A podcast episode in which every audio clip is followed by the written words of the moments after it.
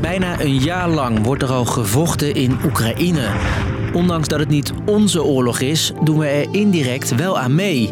Met wapens. We will continue supplying arms to Ukraine as the Netherlands, including heavy equipment such as armored vehicles and self-propelled howitzers. En opnieuw liggen er plannen klaar om wapens naar Oekraïne te sturen. En dat is cruciaal in deze fase van de oorlog. Welke wapens heeft Nederland al geleverd? En hoe lang gaan we daar nog mee door?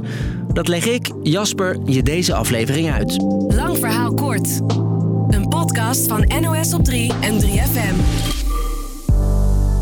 Die militaire steun aan Oekraïne was in het begin nog een beetje zuinig. Scherpschutter, geweren met munitie, gevechtshelmen, kogelwerende vesten en radars ook voor het opsporen van mijnen.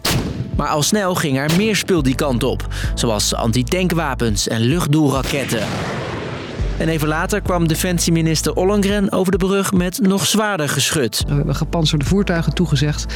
En ik heb vandaag ook toegezegd om panzerhouwitsers te leveren in samenwerking met Duitsland. Die panzerhouwitsers zijn flinke kanonnen.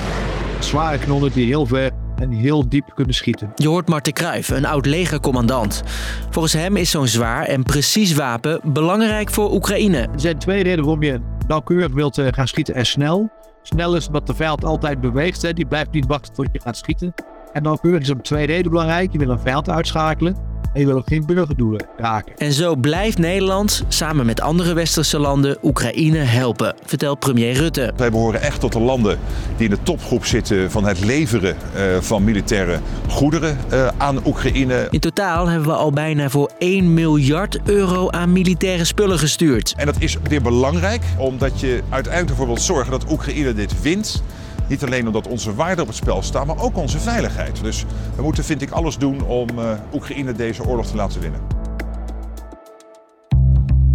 En nu liggen er dus nieuwe plannen klaar voor wapens. Samen met Duitsland en Amerika wil Nederland Patriot-raketten leveren. Legt premier Rutte uit. Ja, dat is een heel belangrijk project. Want het gaat over hoe kun je Oekraïne helpen om betere luchtverdediging uh, te hebben. En dat is cruciaal in deze fase van de oorlog. De afspraken hierover zijn op het moment dat we de podcast maken nog niet helemaal rond. Maar die zijn inmiddels wel zo ver dat ik ook echt denk dat we daar goed uitkomen. Als alles doorgaat sturen wij dus Patriots naar Oekraïne. Wat zijn dat eigenlijk? Dat kan Marten Kruijf, de oud-legercommandant die je net al hoorde, uitleggen. Ja, dat is een uh, systeem met een radar. Die radar kan kijken wat vliegt er allemaal in de lucht. Die kan niet alleen vliegtuigen zien, maar ook raketten kan die zien binnenkomen. Hij kan onbemande vliegtuigen zien, maar die kan hij ook uitschakelen. Dus eigenlijk alles wat vliegt, kan hij eigenlijk uitschakelen. En die raketten kunnen doelen op wel 60 kilometer afstand raken. Volgens de Kruijf is dat precies wat Oekraïne nu nodig heeft. Oekraïne heeft wel middelen die vliegtuigen kunnen uitschakelen, maar die Patriot kan eigenlijk alles. Patriot is een van de weinige middelen die die raketten kan uitschakelen. Alleen één dingetje, wij hebben er niet zoveel van. We hebben vier van dat soort uh, systemen, en maar we hebben er drie hebben er bemenst. En eentje hadden we liggen als reservedelen. Dus als wat stuk ging van de andere, kon je het op oefenen. Die ene, denk ik, die we nog over hebben, die gaan we nu sturen. En dit is ook wel meteen een beetje het laatste dat we kunnen sturen. Alle hoeken van de planken die we hebben, zijn nagekeken, zijn bekeken en is het al klaar. De Nederlandse legervoorraden zijn dus zo goed als leeg. En of dat nou wel zo slim is? Het is een risico, hè? want wij geven dingen weg. Die krijg je waarschijnlijk niet uh, meer terug. Of als je het terugkrijgt, moet je jaren wachten. Dat is een risico. Maar het risico om dat nu niet te doen is veel groter. Eigenlijk werd Oekraïne min of meer onze oorlog voor onze vrijheid. En dan moet je ook de spullen geven. Dat wij bijna door onze militaire wapens heen zijn, betekent volgens premier Rutte trouwens niet dat we Oekraïne niet meer kunnen helpen. Je hoeft niet alleen spullen uit je eigen voorraad te leveren. Je kunt ook spullen kopen en doorleveren aan Oekraïne. En ook dat doen we op grote schaal. Zo hebben we al een paar keer nieuwe wapens gekocht, alleen voor Oekraïne. Zoals een tijdje terug met een aantal landen samen het T-72-systeem gekocht en geleverd. Maar zo makkelijk gaat dat volgens de oud-legercommandant niet. De defensieindustrie werkt op aanvraag. En dat duurt heel lang dat je een aanvraag tot productie hebt omgezet. Dus als jij nu om een tank vraagt, dan als je geluk hebt, heb je over vijf jaar de eerste tank die van de grond rolt. Zeker niet eerder. Wel kunnen we Oekraïne blijven helpen met kleinere militaire spullen, zoals helmen, granaten of kogels.